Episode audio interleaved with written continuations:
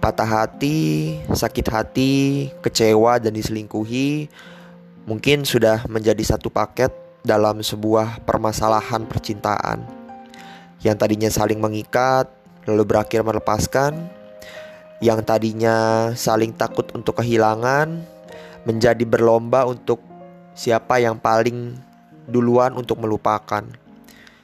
Ya, lagi-lagi banyak banget sih hal yang gak harus kalian gak papain dalam suatu hubungan.